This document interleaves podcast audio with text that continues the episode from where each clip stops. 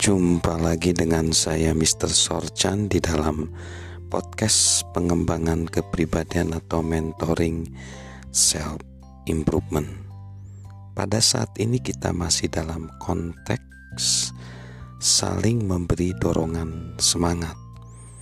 Dan dorongan semangat itu dapat mengubah kehidupan sesama kita. James Merritt dalam bukunya How to be a Winner and Influence Anybody mengatakan bahwa sebuah sentuhan yang sederhana dapat menyampaikan kesan kasih yang luar biasa, pengakuan dan penerimaan. Suatu penelitian yang dilakukan di UCLA beberapa tahun yang lalu menemukan bahwa untuk menjaga kesehatan jasmani dan mental, pria dan wanita membutuhkan 8 sampai 10 sentuhan setiap hari.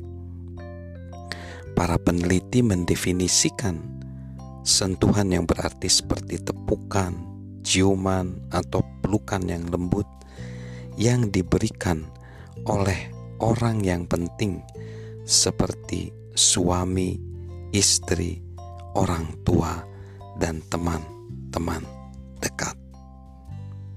Pada dasarnya manusia perlu diberikan dukungan dan dorongan. Seorang bernama Richard M. DeVos mengatakan hanya sedikit hal di dunia lebih penuh kuasa dibanding suatu dorongan positif. Seulas senyuman, sepatah kata optimisme dan harapan, kamu dapat melakukannya di tengah keadaan yang sulit.